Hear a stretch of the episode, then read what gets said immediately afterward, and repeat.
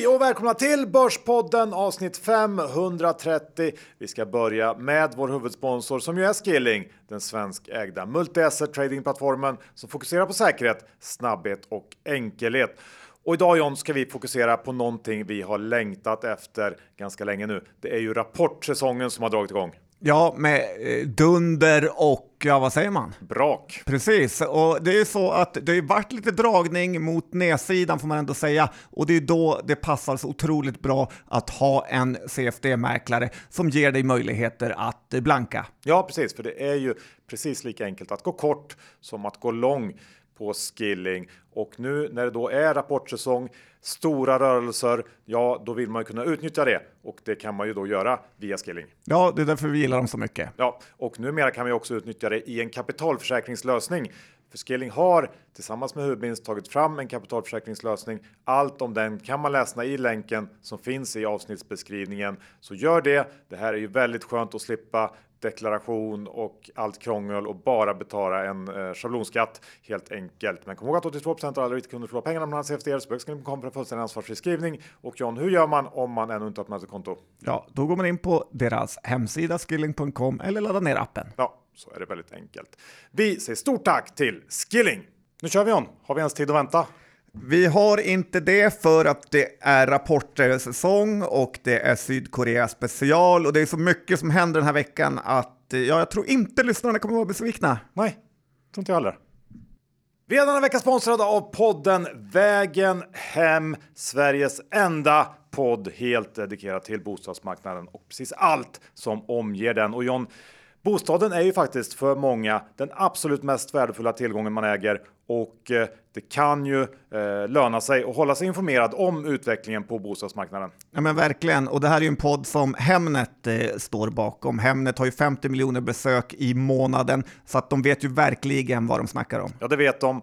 Och just nu så är väl det här temat kanske mer angeläget än någonsin med tanke på allt som händer där ute i världen. Vi har räntor som skenar vi har fallande bostadspriser och så vidare. Många vill nog veta hur eh, det ser ut här och vad som kan tänkas hända framöver. Och precis det får man ju svar på i podden Vägen hem. Ja, de har många, många intressanta avsnitt. Bara att välja vad som eh, ja, passar en bäst. Det kommer nya avsnitt varannan torsdag.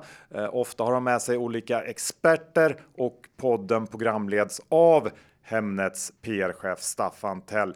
Så gå in och lyssna i din poddspelare. Vi säger stort tack till podden Vägen hem. Johan Dr. Bass Isaksson. Index, det är jag. Det är du. Index är 2172 och eh, det är svajigt där ute. Det har väl inte rört sig punktmässigt så mycket som förra veckan. Lite nedgång, men det är väldigt stora intradagsrörelser på börsen. Ja, men ändå inte så mycket bass får man säga. Inte så mycket som du hade velat. Både ja och nej. Jag har ju ganska mycket aktier nu. Alltså. Ja. Men rapportsäsongen har äntligen dragit igång och det känns ju väldigt, väldigt spännande. Ja. Det gör det. Det är lite det man lever för som Nästan trader. Nästan mer spännande än någonsin. Nu är det så spännande så att, eh, ja men på riktigt, man vet ju inte om en aktie ska gå upp 10% eller ner 10%. Allt kan hända. Alla experter är helt perplexa, som de säger, som kan så fina ord. är det. Eh, men inte vi. Nej, Nej, för vi har alltid en åsikt. Ja.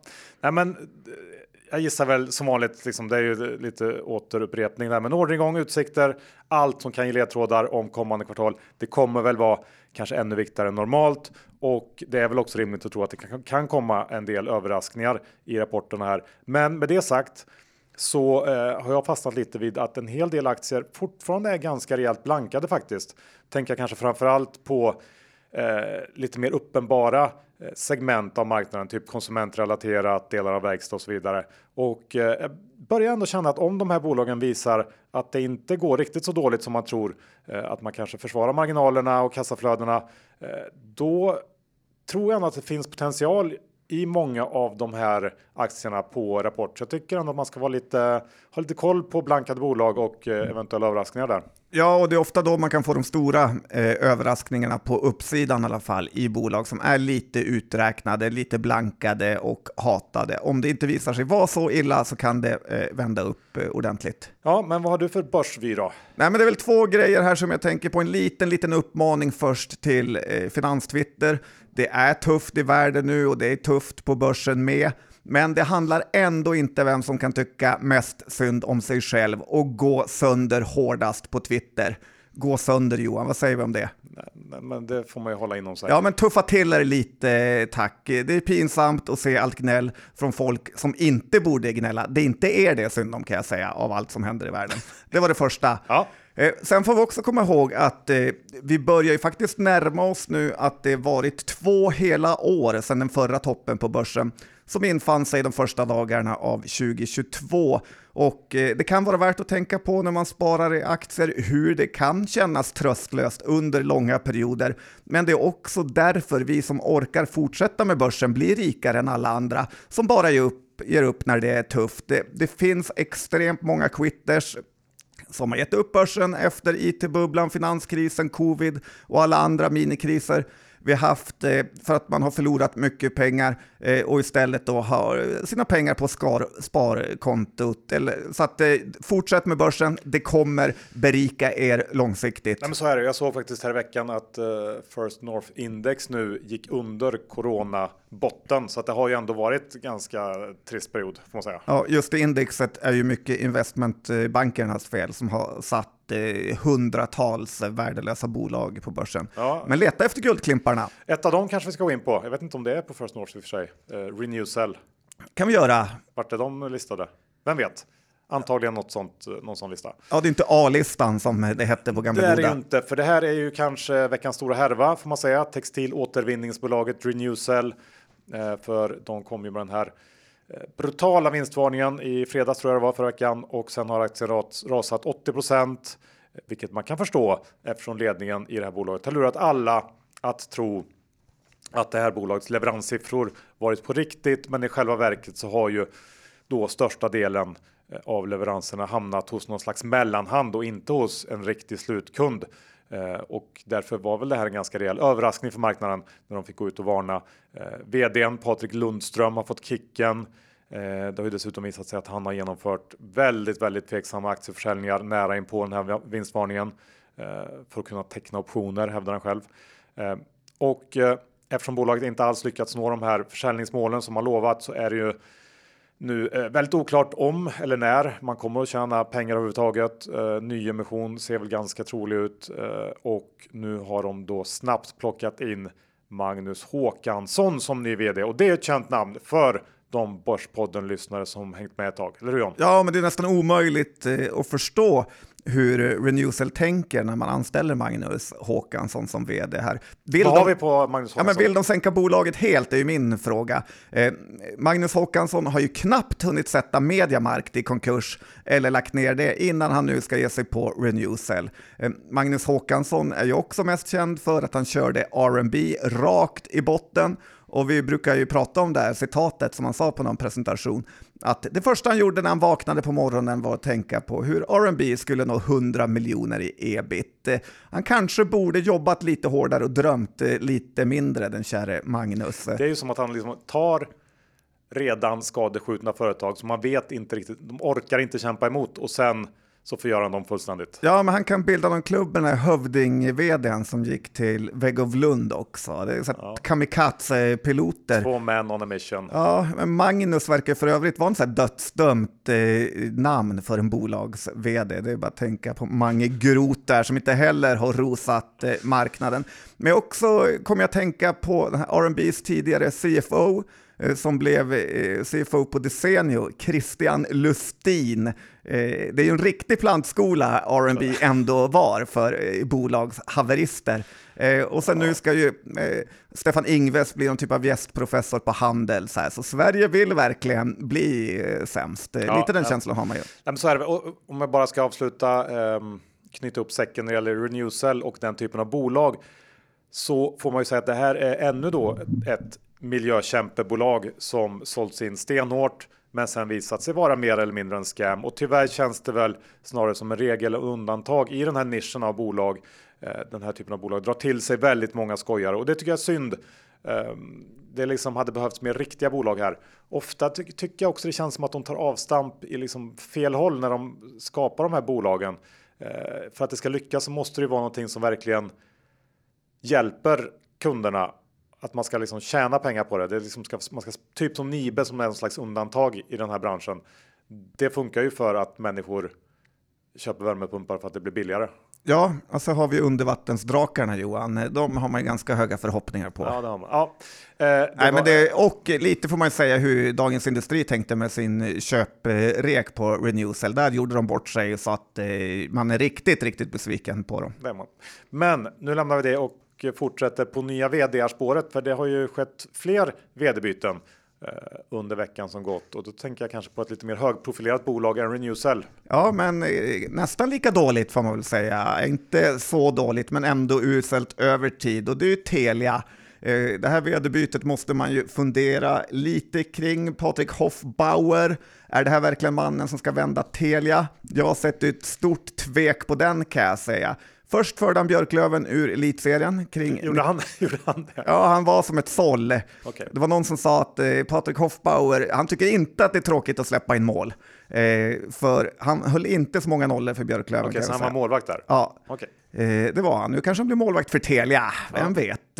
Eh, men det här var 94. Eh, sen får man väl säga att han har förstört ganska mycket på Svenska Spel. Han... Ändå en bra karriär från målvakt i Björklöven 94 till storbolags-vd. Ja, det är det. Men det har han ju fått via att han har jobbat inom staten får man säga. Svenska Spel har ju inte rosat marknaden under hans period här. Nej. Många märkliga beslut, hur de borde valt Kambi från första början, hur de har tappat marknadsandelar mot allting. Eh, jag ja. vet inte vart kasinot ligger, men det går inte heller så bra där. Eh, ja, och det finns ju ingenting som talar för att han skulle kunna vända Telia nu. Det enda som sagt är ju att han har varit en sån statlig vd som har blivit lite skyddad av folket högre upp, mest för att han inte ställer till med kaos. Så att eh, det, man får ju säga att det är en jättelåg profilvärvning av Telia att plocka in den här snubben. Ja, ja. Det, det visar ju inte på några det är inga ambitioner. Inga världsherraväldes ambitioner. Nej, utan det är snarare montera ner det. Så är mycket konstigt och eh, ja, det är väl det positiva att det är jättelåga förväntningar på Patrik Hoffbauer. Ja. Går runt med sitt nyckelkort på Mall of Scandinavia. Öppna dörrar. är, det, är det det man gör som vd? Ja, det är min största mardröm i livet, att gå runt med nyckelkort på Mall of Scandinavia. Så här, trycka dem, ja, och så öppnas det. Du kan följa med mig här. Nu har det blivit avmagnetiserat igen. Ja, nej. Till repan. Ta du, mig inte dit. Nej, det är nog ingen som kommer göra heller. Eh, vi lämnar det och går över till veckans drev. ska vi göra. Och eh, jag är ju ganska så besviken på Dagens Industri igen här för Jaså. deras hetskampanj mot eh, Dine Gerge. Eh, Förtjänar de det inte då? Nej, det tycker jag inte. Alltså, på många sätt finns det ju knappt någon som har gjort mer för svenskt fondsparande och aktieintresse än Ska man leva på så gamla meriter? Ja, men, Johan, hör på det här. Eh, att de här gobbarna har lite pengar utanför sin fond tycker jag är 0,0 konstigt. Eh, snarare är det bra att de håller örat mot rälsen. Och det kan ju finnas trades som inte är lämpliga för en fond eller att man vill ha för stor koncentration. Eh, jag kommer faktiskt ihåg när jag pluggade i Uppsala och ja, en liten kaststudent från Umeå ringde Henrik Didner och frågade om jag kunde få komma och ställa lite frågor för någon jättekass uppsats. Och hur Henrik Didner utan problem offrade en timme av sin dag för att sitta och snacka med mig. Sånt glömmer man inte bort. Säg någonting om hans omdöme. Ja. men du säger vart jag är. Han, han satsade ändå hyfsat rätt. Nej, men han har, han har verkligen gett tillbaka får man säga. Och jag tycker de ska vara lite eh, snällare med honom. Det kan ju själv utvärdera representera sina ja, men rekar i Renewcell eller eh, deras journalister som har drivit egna fonder, hur lätt eh, det är. Eh, lite schysstare kan det vara med de här gobbarna. Ja, kanske. Samtidigt säger jag då, ingen rök utan eld. Så säger du? Ja. För, för nej men det, det verkar ju storma lite där borta. Ja, det gör det. Lite får man ju vända under upp på huvudet, men jag tycker ändå att det är lite härligt hur han ändå är hård mot sina förvaltare. Presterar de inte så får de veta det. Och sen att så här jättelättkränkta förvaltare som har underpresterat vill bli skyddade. Kolla på Alex Ferguson, behandlar han David Beckham bra? Nej, men blev han något? Ja. ja, men jag skulle säga att han, det är väl en sak att behandla någon bra eller dåligt, men ska man göra det på det sättet så ska man väl hålla det. Om du ska dra den här fotbollstränarparallellen så får man väl hålla det bakom stängda dörrar så att säga. Mm, Kom du ihåg när Beckham folk... fick en sko i huvudet? Det, ja, men det var väl i omklädningsrummet. Ja. Ja, det är det jag menar. Det var inte så att han gick ut på liksom, eh, scen och bara skällde ut honom. Nej, jag, tycker att det är fel strategi av dem och jag tror att de håller på att göra någonting dumt. De Okej. där gubbarna. Ja. Håller på att gå bort sig. Får vi se, tror inte jag. Jag tror det är comeback. Jag är ganska säker på att de eh, gör det, men vi får se. Nasdaq då? De har ju redan kört bort sig. Det har de gjort. Men det har de Bekräftat gjort. och klart. Ja, Du såg här i veckan att eh, deras kommunikationschef lämnar sitt jobb. det har ju tonats ner får man säga. ja, men efter två månader på jobbet. det är ändå... Eh, Det har inte gått så bra för den personen. nej, men han Det, sa... han Han har sa, inte så här- rivit på sitt jobb. han sa att han var missnöjd med möjligheten att göra skillnad för bolagets kommunikation. Ja, det- det kan jag, kan jag hålla med om. att han tycker sig vara lite bakbunden i det jobbet för att Nasdaq eh, kommunicerar ju inte någonting överhuvudtaget och kring den här insiderskandalen så är det ju helt knäpptyst. De säger absolut noll och antar att strategin som Nasdaq har är att om vi inte säger någonting så försvinner det här problemet. Men det kommer det ju inte att göra kan jag säga. Det kommer inte. Nej, eh, vi får inte låta börsen komma undan med det de har gjort. Nej, men lite är man ju rädd för att det här kommer läggas ner för att storfinansen skyddar varandra Ja, och inte vill skada förtroendet för Sverige. Ja, men jag, jag tycker så här, vi, vi måste återigen påminna om att det här är en av de absolut största skandalerna Finanssverige fått uppleva i modern tid med då förgreningar in i självaste Finansinspektionen. Det är ju en monster monsterskandal. Det borde ju vara kanske så här fem sidor i, det i varje dag om det här. Ja, hade det varit England så hade det varit det. Ja. Men här skriver man hellre om Dine Gerge, Och som hur du han sa- har behandlat fondförvaltarna. Som du sa, många vill ju säkert tysta ner det här, men det kommer ju inte gå. Så att vi får ju se till att hela tiden färska upp minnet. Nasdaq måste stå till svars för det här. Ja, och kom ihåg vad storfinansen gör mot oss varje dag. småfolket. Dig och mig John. Eh, konsultmarknaden då? Mm, vi lämnar det här eh, tråkiga och går över till konsultmarknaden. För det kanske ändå är lite för dystra miner. Consoftronic in i morse, rapport som var bättre än väntat får man säga. Eh, vi har väl fått börja se lite vad börsen har sett för länge sedan, nämligen en mjukare konsultmarknad. Eh, och eh, här har vi sett hur till exempel Volvo har sagt upp ett gäng konsulter och det blir massa skrik från facket och media om neddragningen. Eh, Fastän det är mest konsulter som får ryka i mycket större utsträckning. Eh, det här med sådana eh, neddragningar kan ju slå väldigt hårt mot mindre konsultbolag som typ Devport eller Diadrom, där varje enskild konsult har en ganska stor betydelse. Samtidigt så skulle jag ju säga att när det här händer så är det i alla fall i min bok lite för sent att eh, sälja på de här nyheterna, för där har börsen vetat om eh, länge. Tvärtom är det nästan lite så här att man ska köpa på de här negativa nyheterna. Och som du sa, Softronic kom in med en rapport idag som var överraskande stark och det verkar inte vara fritt fall i den här marknaden. Softronic kanske jobbar mer mot eh, statlig och kommunal verksamhet än vissa av de här bolagen som jag nämnde. Men i alla fall, jag tror verkligen att eh, man inte ska panikera nu för att nu har vi verkligen haft de här tuffa kvartalen eh, bakom oss och eh, fram emot eh, Q2 2024 i och med utdelningar och så vidare så kommer det se betydligt bättre ut för Ja, konsultbolagen. kanske jag är haussad. Hitta lite fast mark under fötterna på något sätt. Ja, Eh, och på tal om för sent att sälja, Ericsson kom ju med sin rapport igår. Eh, vi visste ju redan en hel del sedan den här vinstvarningsnedskrivningen av eh, Fonage förra veckan. Eh, kanske den mest väntade nedskrivningen av alla nedskrivningar i historien av nedskrivningar, eller? ja det är... O- otroligt väntat. Varenda person i hela eh, finansvärlden sa att det här var ett värdelöst köp. Ja. Lite så här när Bråse retweetar sig själv sju gånger om att han förutspådde det här. Svårt att bli jätteimponerad kan jag känna. är lite pinsamt. Ja, faktiskt. Men Eh, det som fortfarande är ett mysterium, eh, det är ju att man gick vidare med det här förvärvet från början. Men det, vi kan återkomma till det om en stund, för om vi snabbt då går igenom Q3 så var ju den i linje med de eh, preliminära resultat som kom förra veckan. Det som var nytt här var den här svaga guidningen för både Q4 och 2024. Eh, för nästa år så tog Ericsson bort den här tidigare guidningen om att de ska nå en marginal i nedre delen av intervallet 15 till 18% och säger istället då att man ska nå det så fort som det är möjligt. Men det bygger på att marknaden återhämtar sig. Såklart inte det man ville se, men ingen i marknaden trodde heller att eh, Ericsson skulle nå det här målet nästa år. Konsensus låg på 11,6 procent att jämföra då med ja, 15 lite drygt. Så att det- det där fanns redan i kursen skulle jag säga. Och estimatjusteringarna för 2024 borde inte bli så där enormt stora.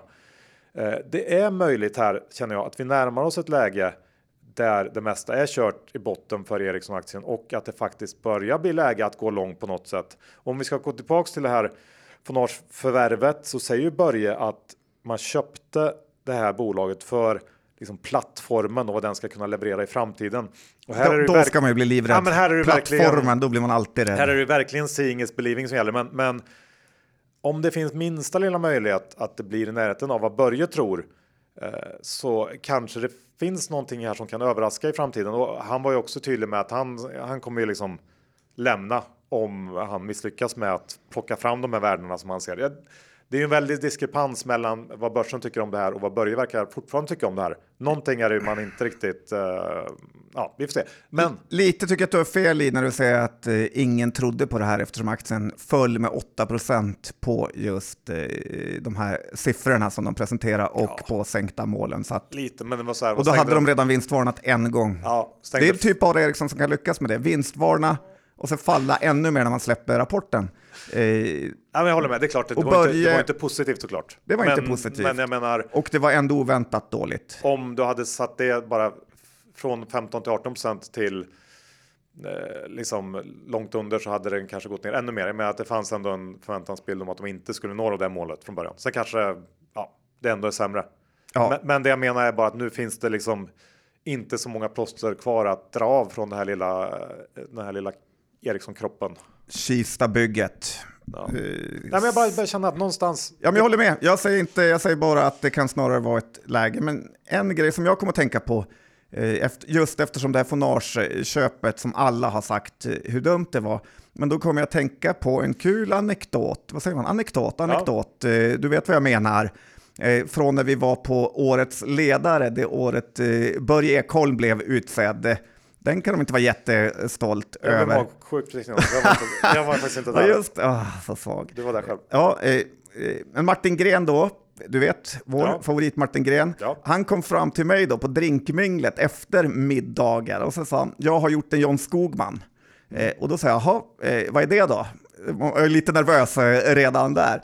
Han sa, jag har gjort bort mig rejält. Eh, kanske inte riktigt det jag ville skulle vara just en John Skogman. Men han sa att han hade suttit hela middagen bredvid en kvinna och då dissat Ericssons köp av Fonage och hur enormt dåligt det skulle bli baserat på att han då flera gånger har använt eh, deras produkter och att de var helt värdelösa. Eh, och sen hade han frågat kvinnan bredvid vad hon jobbade med och eh, då var det industrivärldens Helena Stjärnholm som då sitter i Ericssons styrelse och just varit med och godkänt det här eh, Fonage-köpet. Det är en liten bra historia.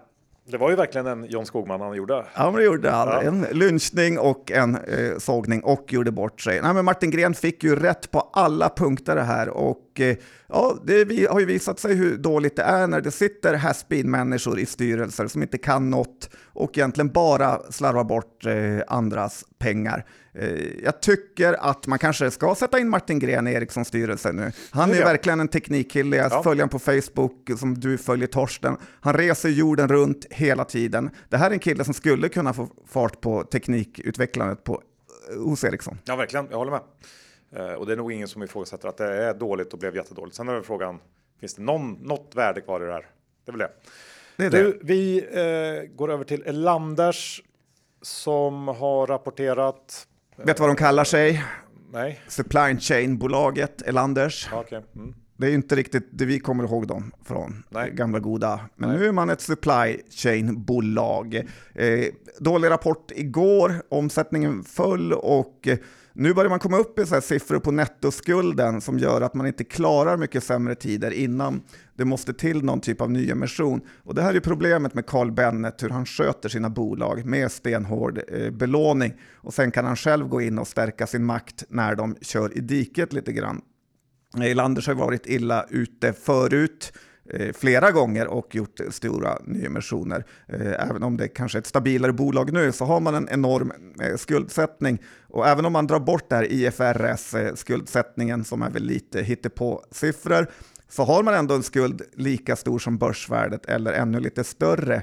Eh, så att jag tycker man ska tänka på det när man säger hur billigt Elanders är, eh, om man fokuserar då på P-tal. Man har en hel del skuld i, bagaget också. Samtidigt är det ju just när det vänder det bästa man kan äga är ju sådana här bolag då, eftersom man får enorm eh, hävstång. Då. Lite kul i rapporten är att Elander säger att det är elektronik och fordonsindustrin som är riktigt eh, sur. Inga jättenyheter där kan man väl ändå säga. Nej, nej. nej men jag håller med dig där. Det kan vara värt att hålla koll på. Men sen en liten spännande detalj kring det här då, just eftersom Elanders havererat så mycket sista tiden det är ju att Norges posterboy numero uno, vad heter ett, du som är halvnorsk? Inte Ono i alla fall. Nej, det gör det inte. Ein? Eh, nej men, även deras nummer ett, vet du vem det är? Alltså han som är mest håsad i hela Norge. Nej, men jag tänk, gissar att du tänker på den här protektorgubben. Helt rätt. Dag Marius Neräng. Som Svårt är... att hitta ett mer norskt namn. ja, det är det. Och han är investeringsdirektör på Protektor Försäkring ja. och är ju helgon för, helgonförklarad i Norge. Ja, men sådana som typ Snåljåpen älskar ju, han har ju planscher på honom. Ja, ja, ja, och tidningar som inte går att öppna. Eh, sådana grejer. Nej, det, det är inte helt säkert, eller? Ja, men tittar man i Holdings här, för jag tycker han handlar på ett väldigt konstigt sätt eh, privat. Eh, tittar du Holdings så får man eh, känslan av att Protector storköper aktier i just Dag Marius största innehav, alltså som han som privatperson då. Dag Marius största innehav är Elanders. Gissa vilka Protector har köpt 84 000 aktier i sista tiden? Kan det vara Elanders? Ja, inte så bra eh, affär för dem. Eh, Dags tredje största innehav är Duni och där har Protector köpt 140 000 aktier. Eh, sen har eh, da, både Dag och Protector köpt en massa aktier i Seafire och Knowit. Eh, jag tycker att det kan se lite konstigt ut att göra så här och man kan få känslan av att man frontar sitt eget företag, även om det absolut inte behöver vara så. Men jag tycker det är onödigt av Dag att ta sådana här risker. Det är långt ifrån optimalt och det känns ju väldigt, väldigt norskt. Ja, tyvärr. Norskt beteende. Ja, så är det. Ja. Sluta med det Dag. Ja, men undersök det någon, någon som har mer eh, ork och kraft kanske, ja. än vi. Ja, lite så. Ja. Du, det är vi ändå utanför Sverige. Vi måste ju ändå sticka in en liten smörkniv i värdemaffian där ute. Det måste vi. AOJ. Tänk... AOJ, ja det var inte så bra för dem här, vinstvarning. Nej, precis. Uh, för uh, eh, AOJ i Danmark då. Och där har du ändå varit på dem länge, länge. Ja, har jag varit får man säga. Eh, Hoppas du har räddat någon som vi brukar säga. Kom de med en vinstvarning och man får säga konstigt vore väl annars för OJ är ju verksamt inom bygg ändå. Och även om man kan liksom hålla på och hävda att det är delar av branschen som klarar sig bättre än resten och det är renoveringar och hit och dit så är det omöjligt att inte påverkas av den byggkonjunktur vi har nu. Och det gäller ju såklart även OJ. Eller hur? Ja, så är det. Det är käpprätt för alla sådana bolag. De kan inte klara sig. Och eh, tittar man på den här vinstvarningen så säger AI att efterfrågan har vänt ner kraftigt i september. Eh, resultatet i Q3 sjönk med över 30% jämfört med med förra årets Q3 och då är det då egentligen bara en dålig månad. Så jag tror det är en ganska stor risk att eh, OJ kommer fortsätta dra ner sina prognoser kommande kvartal och eh, jag tror också att det kommer att komma bättre lägen för den som är intresserad. Det finns fortfarande en hel del pandemihås kvar i den här aktien som man ska veta innan pandemin var liksom som en dött EKG-streck och hade sett ut så i massor av år. Liksom det har alltid varit en jättebillig aktie och sen kom pandemihåsen och uh, svenska värdeinvesterare. Ja. Jag, jag, jag, tror fortfarande att det finns kvar liksom överhäng av det i aktiekursen. Så ja. det, det, det, känns inte som att man bör skynda sig in. Och det känns verkligen som att världen har dragit ner på just eh, hemmafix och renovering och byggande. Eh, det, det, är stora pengar man kan spara genom att inte göra en renovering eller byta värmepump eller ja. vad som helst. Ja. Ska vi också ta, idag är ju ändå ehm, eh, Volvos dag får man säga. Det är det. Anders Hägerstrand vaknade 03.30. Ja. Mer eh, superstoked än han någonsin eh, har varit. Verkligen, och eh, det får man väl ändå säga att eh, Volvo imponerar idag. Ja, det gjorde de. Otrolig Anders, vinst. Anders Stolt eh, slog estimaten eh, med råge igen. Eh, en av de mer intressanta punkterna i den här rapporten är ju prognoserna för eh, nästa år. För det är ju så att i samband med Q3 varje år, då släpper Volvo prognoser för nästa år och eh, även då om prognoserna för eh, VCE var lite lägre än, än väntat så räknar Volvo nu med 290 000 lastbilar i både Europa och USA. För VCE anläggningsmaskiner, eller hur? Ja, men precis. Eh, 290 000 lastbilar. Det är ju eh, ner lite grann från, eller ganska mycket från 2023. Jag vet inte vad man ligger där, 330 typ. Eh, men det är ändå bättre än vad marknaden eh, trott på och väger man ihop det här så får man säga att guidningen i stort är bättre än väntat. Och eh, frågan nu är väl liksom hur mycket marknaden vågar tro på den här 2024 guidningen så här tidigt. Det är ju ändå ett tag kvar till 2024 och om man börjar komma till liksom andra halvan så är det ju ganska långt bort ändå för att guida. Eh, jag vet inte, men, men eh, oavsett det så är det svårt att inte tycka att Volvo ser eh, ganska billig ut ändå. 65 miljarder i nettokassa har gjort eh, 18-19 kronor i vinst per aktie så här långt i år. Det blir ju lite mer i Q4. Det är liksom inget dyrt bolag. Det är svårt att se någon jätte, jätte nedsida. Nej, och efter att ha sett dem överallt i Sydkorea så vet man vilken riktig powerplayer eh, Volvo är, vilket världsvarumärke det är. Så de har gjort oss stolta. Nu får vi inte sälja bort det här ännu mer än vi redan har Nej, gjort. Precis, och det känns också lite som att man har kunnat brygga den här lågkonjunkturen med orderboken och att det blev lite problem under pandemin och nu kan man liksom ligga och släpa på den. Och, ja, det, det, det känns som att det kanske inte blir samma enorma konjunktursvängning liksom, som det brukar bli i den här typen av bolag. Vi får se. Nu är Börspodden bred, eh, måla med breda penslar. Riktigt breda, rollers. du, eh, Surgical Science. Ja. Det är inte ett bolag vi brukar prata om. Nej, och de har väl haft en tuff period på börsen här med storägare som har sålt aktier och fått eh, sänkta riktkurser från höger och vänster här. Carnegie, Pareto, eh, även om de här riktkurserna är mycket, eh, väldigt mycket högre än dagens eh, kurs. Men igår ka kanske eh, det värsta av allt hände. Såg du vad som hände? Nej. Världens sämsta analyshus Berenberger initierade Surgical Science med en köprekommendation med riktkurs på 220 kronor. Det är inte Be bra menar du? Nej, det är inte bra. Kommer du ihåg Berenberger, vad de är mest känt för i Sverige? Ja, det var Fingerprint. Uh... Ja, och kanske ännu mer Seamless eh, ja, när det var helt mm. vansinnes riktkurser och eh, analyser som var totalt eh, oförankrade med eh, verkligheten. Så att nej, när de sätter köp, då håller jag mig långt borta. Det gör du och det kanske du gör rätt i. Vi får och se. John, på tal om långt borta.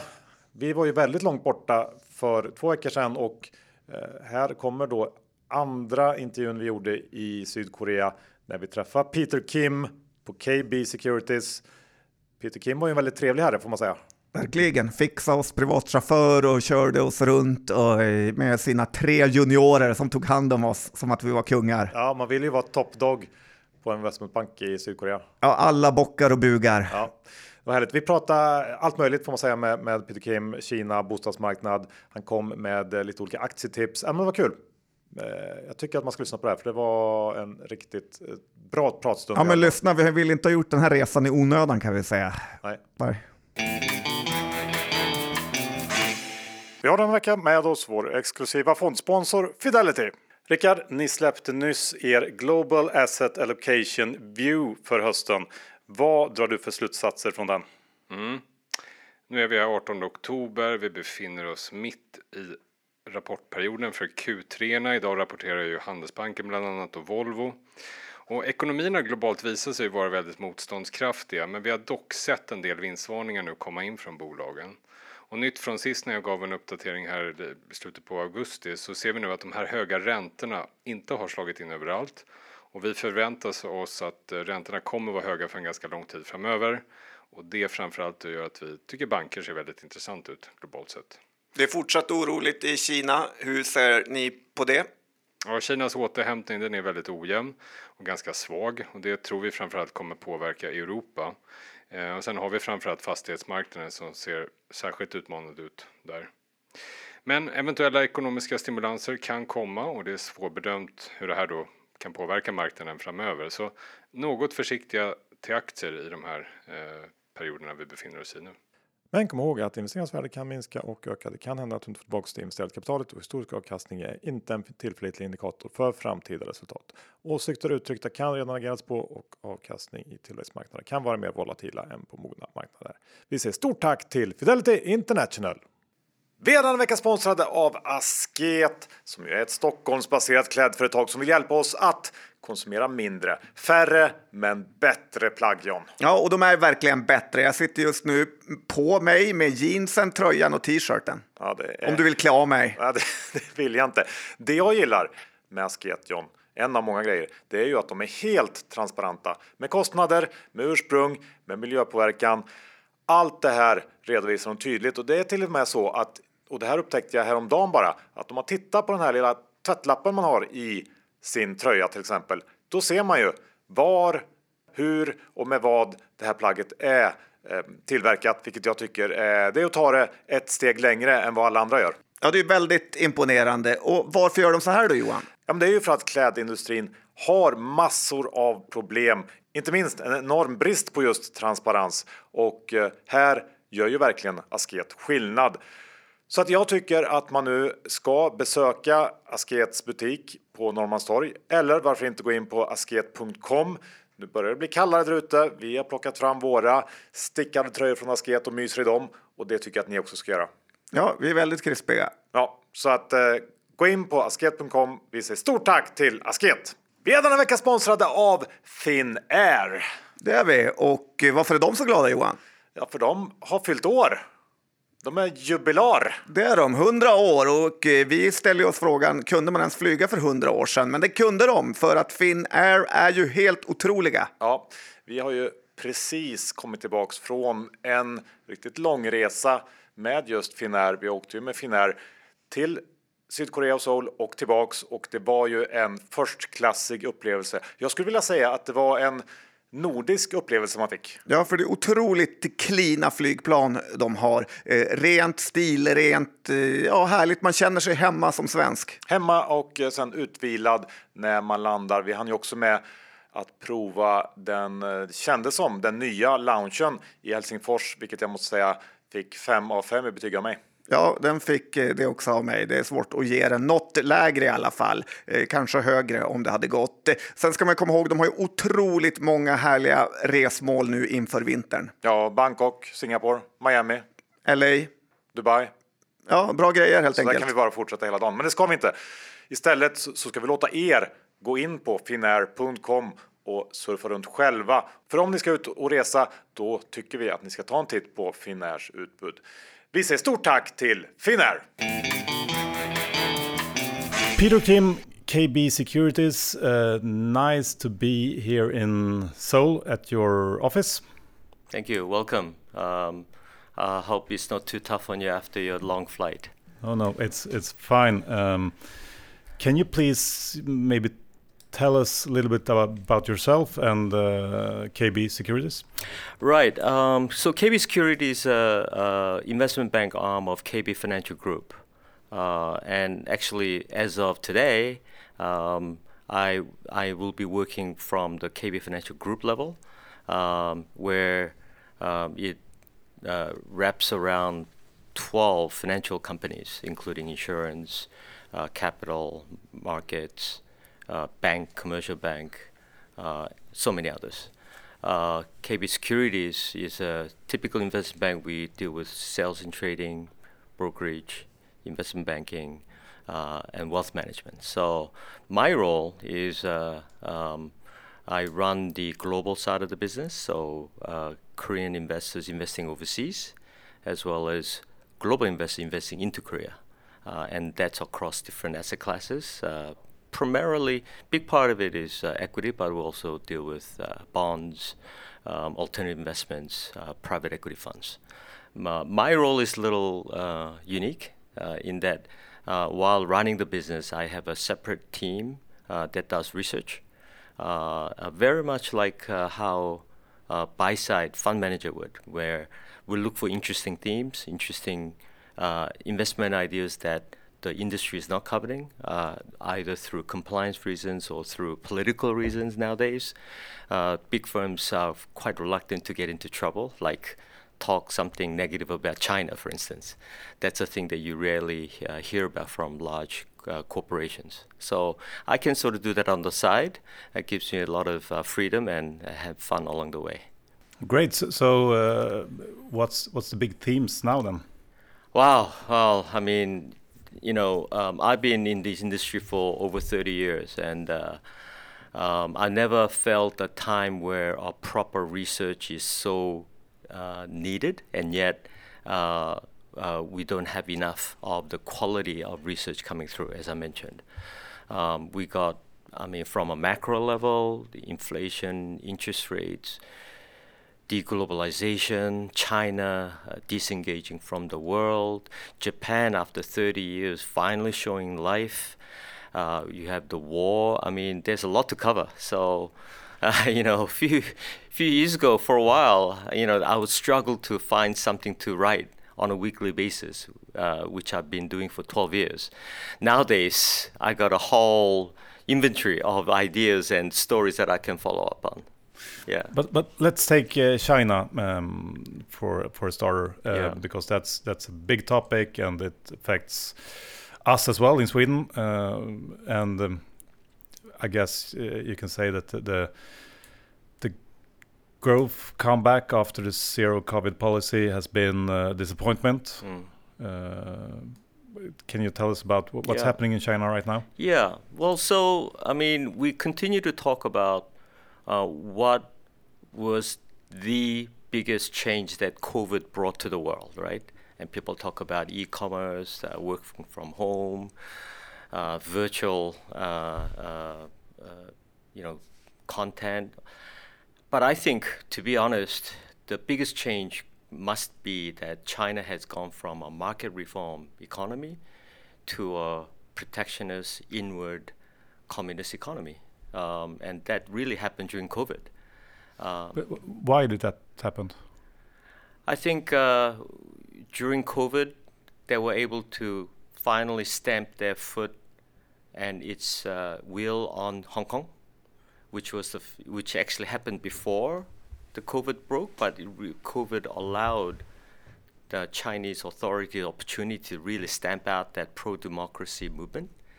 And then along the way, I think maybe I'm just speculating here, but maybe uh, Xi Jinping uh, saw that as an opportunity to even go further, to really get China back uh, for uh, his political agenda, rather than just continue to push. Of course, U.S. also started to push back, and the speculation early on was that well they'll work it out.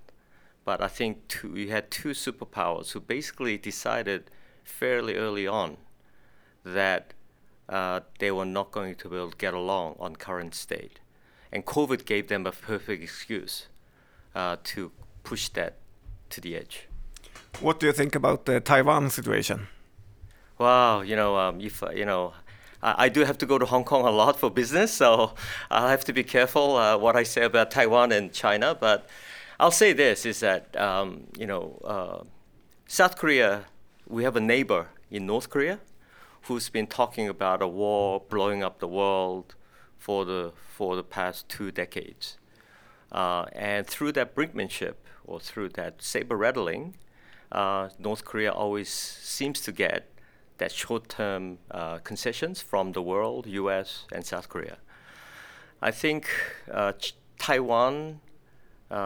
I fail to see how you could go into uh, actual military conflict, but anything before military conflict is probably now higher in possibility than it was two, three years ago. Meaning that they're smart people on all sides, and they understand that a, a war, all-out war between China and U.S.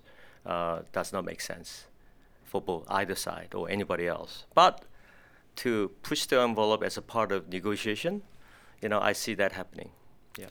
How scared are people in South Korea f- uh, for the Nor- against the North Korean? Because in Sweden, people think mostly as uh, North Korea is a bit of a joke. You Oh, know, really? The the leader Kim Jong Un.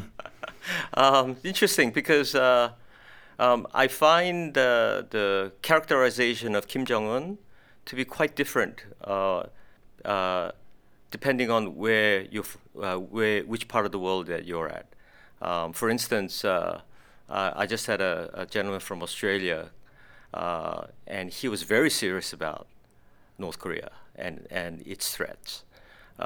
U.S. always takes it seriously because you know that's what U.S. do.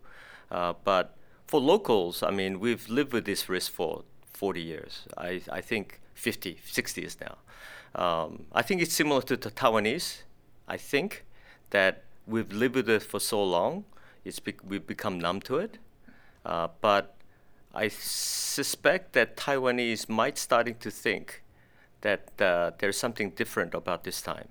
Yeah. Um, whereas in Korea, I mean, we've always known Kim Jong Un and his father and grandfather as using that saber rattling to gain economic and political concession, and we just give give up a little to just keep them um, at bay. Okay, um, so let's um, talk about the, the, market here in in South Korea. Uh, maybe we can start talk a little bit about the retail market. Mm. Uh, I guess you have a, a, I've been reading up on a couple of your columns, and uh, you are writing quite often about the, the retail market and uh, the behavior of the, the retail investors. Um, can you describe it a bit for us? Yeah, yeah. So, I mean, rising retail participation in stock market is a global trend uh, in general. Uh, U.S., uh, uh, Europe, uh, in Korea, we're similarly. I call it the culture of gaming plus gambling, um, which is what young generation do. I mean, COVID like unlocked that culture, but uh, with the uh, the resolution of COVID, this the new generation culture has really made it into a, a permanent state, I think. Uh, and in South Korea, we have that as well. But uh, there is second, uh, quite a unique feature to Korean retail investor, which is that uh, we're falling deep into demographic cliff right now. Uh, so South Korea is the, has the lowest birth rate in the world. Uh, the latest number that just announced last week was that per family there's uh, uh 0.7 child per family in South Korea. Uh, I think uh, you might be familiar that Japan used to be the champion of that. even at the lowest level, I think they went as low as 0.85. So Korea is really falling uh, very, very quickly. Um, one consequence of that birth rate is that obviously demand for homes is going to drop as well eventually. Uh, Korean uh, residential homes is the highest uh, form. Obviously, it is for everybody, but uh, right now it's about 75% of household assets are in homes. Uh, so if that 75% drops, it has to be replaced by what? Financial assets. And I think that's what's been happening.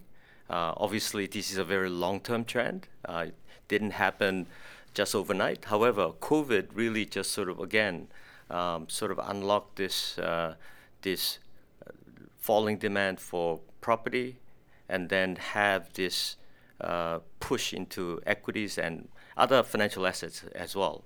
Um, a little side story here is that uh, at one point uh, a couple of years ago during COVID, uh, South Korean retail investors uh, were in the 10th, collectively, were in the 10th uh, most owned uh, shareholders of Tesla which is pretty amazing. Great trade if they yeah. kept it. No, so you you know you know how it is that you know when you make money, everyone tells you about it. When they lose money, uh, they go quiet. So I don't know how they how they're doing now. but why does people in Japan and South Korea uh, get so few uh, babies?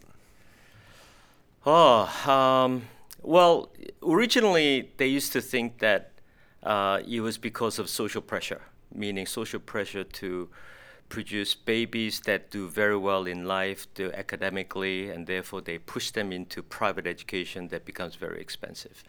And I think that still uh, uh, stays. Uh, but looking at what's happening in China, who's also falling into a huge uh, dip in uh, birth rates, I think uh, there is a, a growing consensus that for a family, uh, having child is no longer just uh, an option, but it is the biggest financial decision a person makes.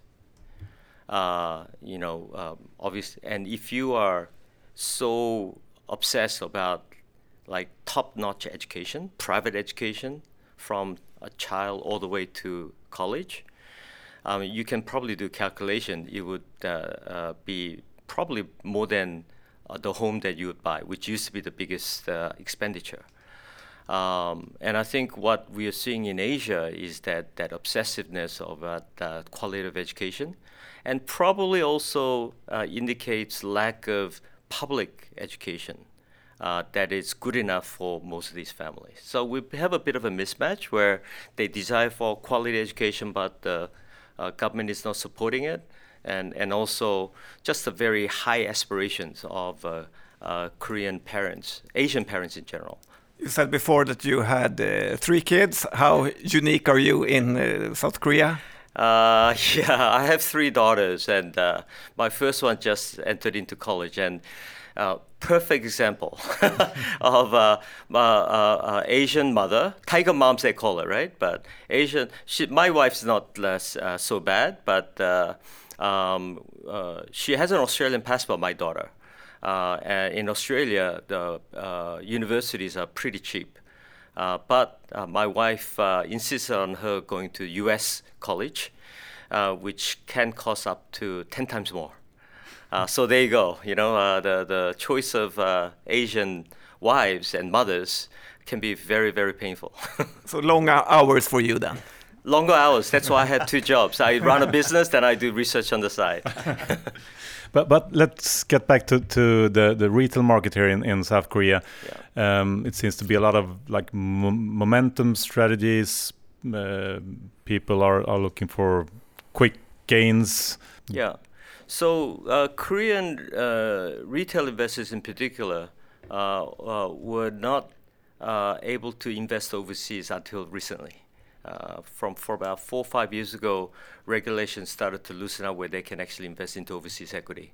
Uh, until then, they they were restricted to domestic equity, uh, and uh, Korean equity market for about ten years stagnated, with a bit of cycles in between, and and that caused a lot of frustration. Uh, and so they become very hungry for growth ideas, growth themes, growth stocks. Um, Samsung dominates the local market. Uh, and, and Sam Everyone knows Samsung. What is yeah. the second biggest company in Korea? Nobody knows that. Uh, oh, right. Okay. Um, so it's you know it moves the second and fifth all moves around. But uh, uh, when Samsung was doing well, second uh, semiconductor company, SK Hynix, was second. Uh, I think the latest one might be LG Energy, which is the EV battery maker, uh, also a Chaebol, the conglomerate. Uh, but um, Samsung's always number one, and then you have uh, stocks changing places in between. But the retail investor, they like small companies, or like yes. in Sweden, they love small companies. Yeah, small I mean, it's it's uh, it gives you uh, provide a lot more uh, instant gratification. Uh, uh, it's sexier, you know. Um, you know, they, they can actually uh, have an influence over how the price moves. But the inflow of f- funds from retailers has been so huge. They are even moving some of the real big ones. I mean, you've seen that in the even the U.S. So I wouldn't say that their uh, participation now restricted to uh, small cap. It's now spreading. Is the retail investor in South Korea using leverage when they're trading? A lot of them used to during these times like this, but I think the one of the reasons why I felt that this reduction of home ownership to be uh, uh, replaced by financial asset is because they are not doing that this time around as much as you would expect, given the high level of participation. So I think there is more safe money going in versus the speculators just punting for short-term gains. In Sweden, we hear a lot about uh, corruption scandals in uh, South Korea and uh, talk about cross-owning companies own other companies, and that's why the valuations are so low in uh. Korea.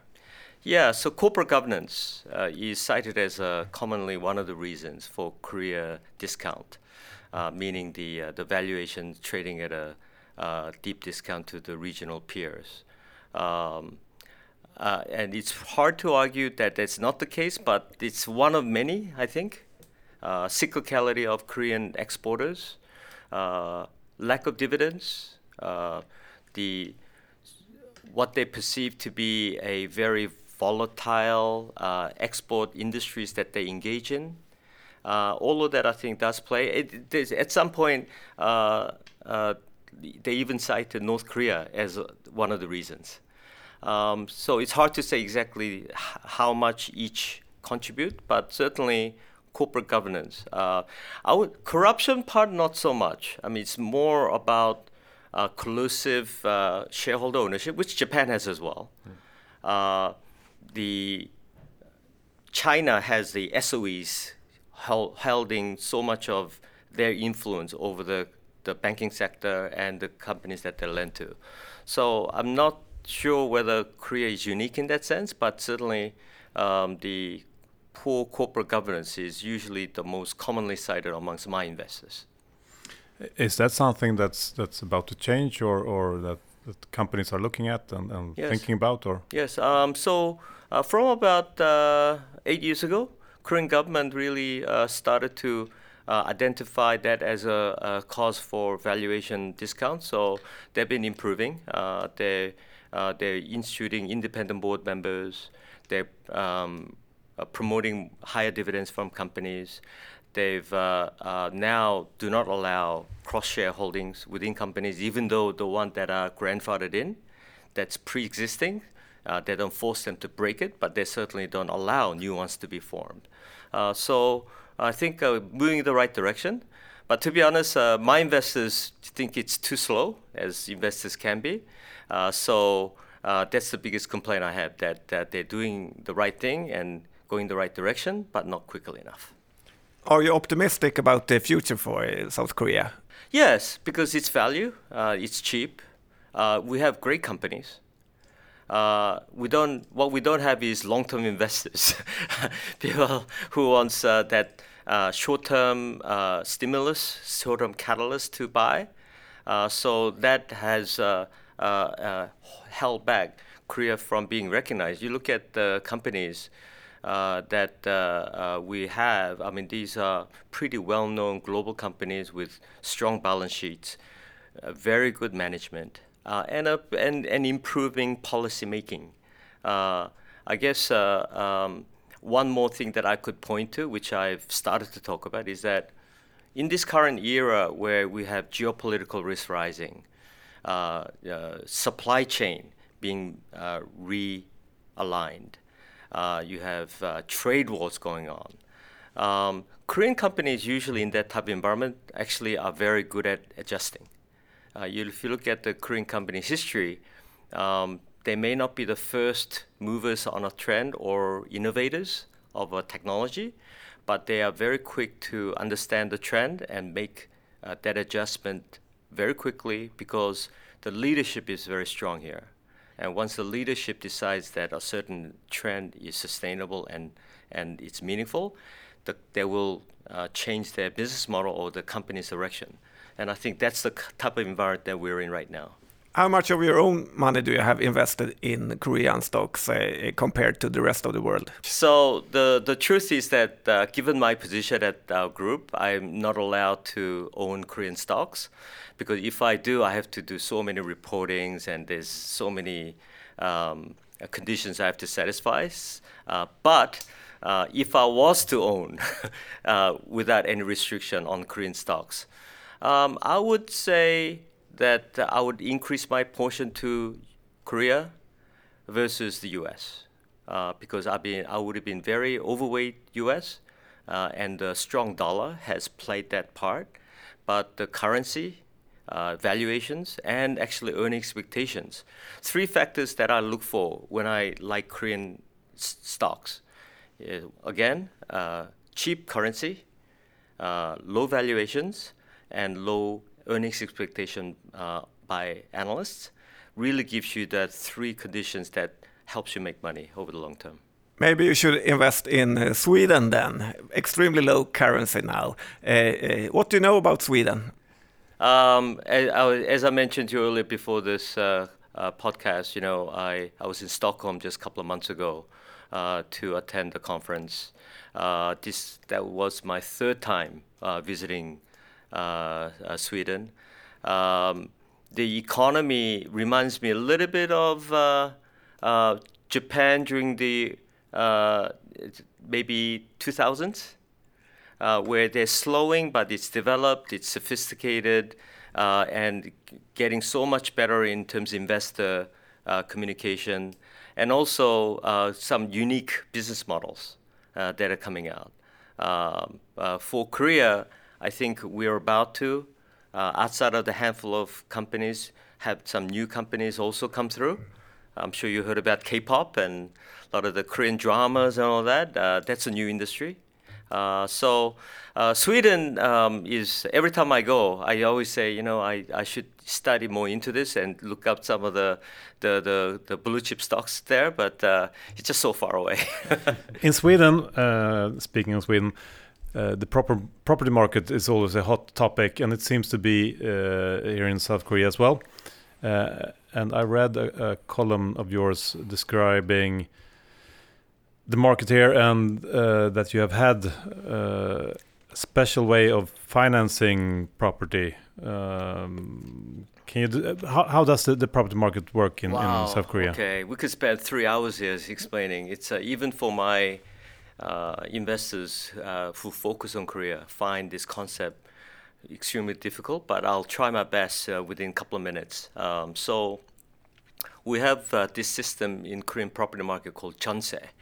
Uh, which is a key money system, uh, uh, which you, Japan used to have about 30 years ago, and but they were phased out. so, so it's like you, you copied it from Japan.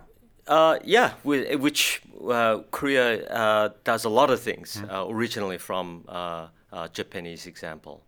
so it's a key money system where instead of paying monthly rent, a tenant would give a lump sum money to the landlord, uh, and then they get to stay in that home for free. And when they leave, they get that same amount back. So it's like a, a, a deposit, uh, and the landlord then uses that uh, key money either to just uh, deposit in, uh, the bank or they can uh, do some investments, right? But the third part used to be when Korean property market was doing very well is to buy another home hmm. by the landlord uh, with that key money, with a, maybe a little but, leverage. But for how long can you stay for that? So it's a term of two years. Two years. Yeah, but I and mean, how much do you have to, to pay? So that ratio varies, but uh, um, right now it's about 60% of the value of the home. Okay, that's but quite much. Oh, I mean, a few years ago it was as high as 90%. Uh, that, and uh, uh, foreigners could not understand the concept of that, right? No, but yeah, because why yeah. why don't you buy it then? Right. So uh, there are two reasons. Uh, one is that uh, uh for mobility, Koreans uh, again goes back to education, based on the elementary school, middle school, high school. the areas which has the best schools in that age group, they like to move around. Mm-hmm. So rather than buying a home and you hunkering down in that area, they like to arbitrage the best education for their kids as they grow older. Uh, and the second part uh, is that um, for jeonse is not for rich people, right? These are the working class people. Uh, usually they like to save their money away for their dream home in an area which they want to aspire to live in. So it's, uh, it's a concept that they, uh, originally starts with the intention of eventually growing their, uh, their savings enough to buy a home. But of course, you know, not everybody is able to achieve that. Um, and that uh, has uh, created this uh, bit of a shadow banking system for Koreans. But interesting thing is, is that that, that system is being phased out. Uh, it's uh, being replaced with home ownership with monthly rental. and what that is causing is further liquidity into the system because if you imagine that key money that is held in the banking uh, uh, shadow banking is now being liquefied through monthly rent or actually buying a home, then it goes into the financial system. So that's actually been an additional part of why these retail investors. But but when when when you buy a home here in in South Korea, don't you use any leverage or, or You do, loans? Yeah. But the Korean banking system has been very conservative for the past 10 years. So the LTV ratio has been 50% loan to value. Uh, they've just started to relax that now for first home mortgage applicants. Uh, but 50% is not a lot. Uh, so if you're working class, you can only leverage 50%. Um, you know, and if you let's say you know $100,000 is a, a very common jeonse amount. Uh, you know, that's enough to not enough to get the home that they want. How much uh, do you need to pay for apartment here in uh, Seoul? 100 square meters, maybe? Depends on which area. Uh, uh, most common people mistake uh, uh, the Seoul property as being very hot and bubbly, and then it's too expensive. They're talking about southern part of Seoul. Uh, you know that song Gangnam Style. You know that's the area. Everyone knows Yeah, that yeah. Really? Uh, yeah. Can you sing it? yeah, no, Gangnam no. Style. Uh, no, not not yet. whoop, whoop. maybe uh, maybe in two three hours if you give me an, some alcohol, I'll, I will I might do that. But uh, um, yeah, that area is the most expensive part, um, and uh, and that's that's the part that uh, quite often uh, the government speaks of as a signal for possible bubble. And what's the price uh, around in that area? Oh, Wow. So the the the the best area. So I gotta convert this into metrics. Uh, that would be.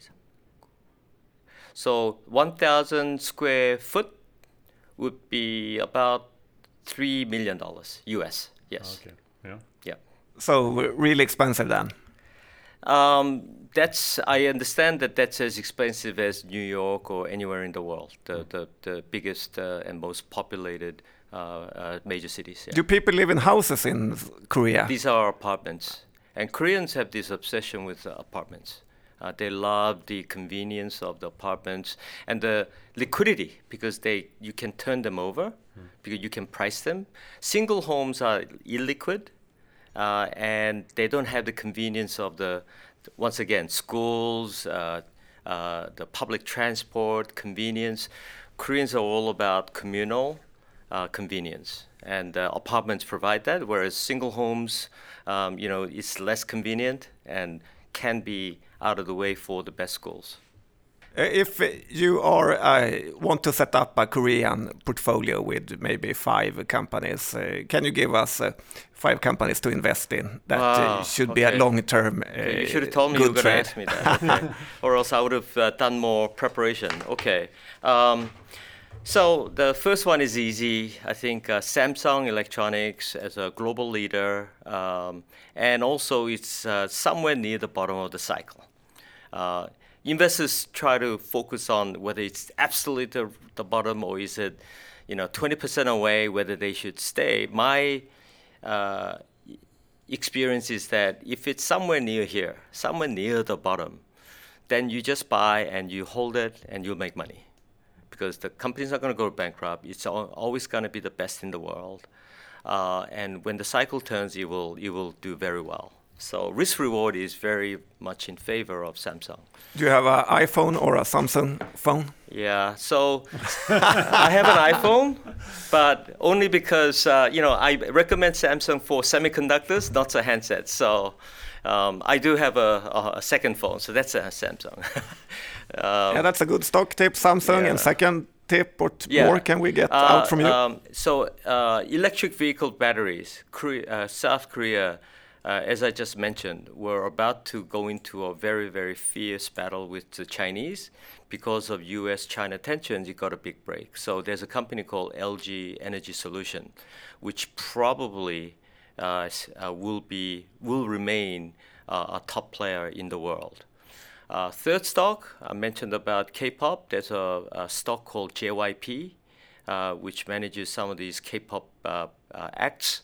Um, uh, it's again like the uh, gaming uh, stocks. I don't know the product as much as well, but the business model makes a lot of sense to me. Uh, so and that's been doing well. I think it's one of the best performing. But you know, when you have a company gone from a regional focus to a global and already making very good footprint, uh, the, the growth growth potential should justify the share price to go up further. Uh, I guess fourth one, uh, uh, I like a Korean tourism theme. Uh, you just arrived here.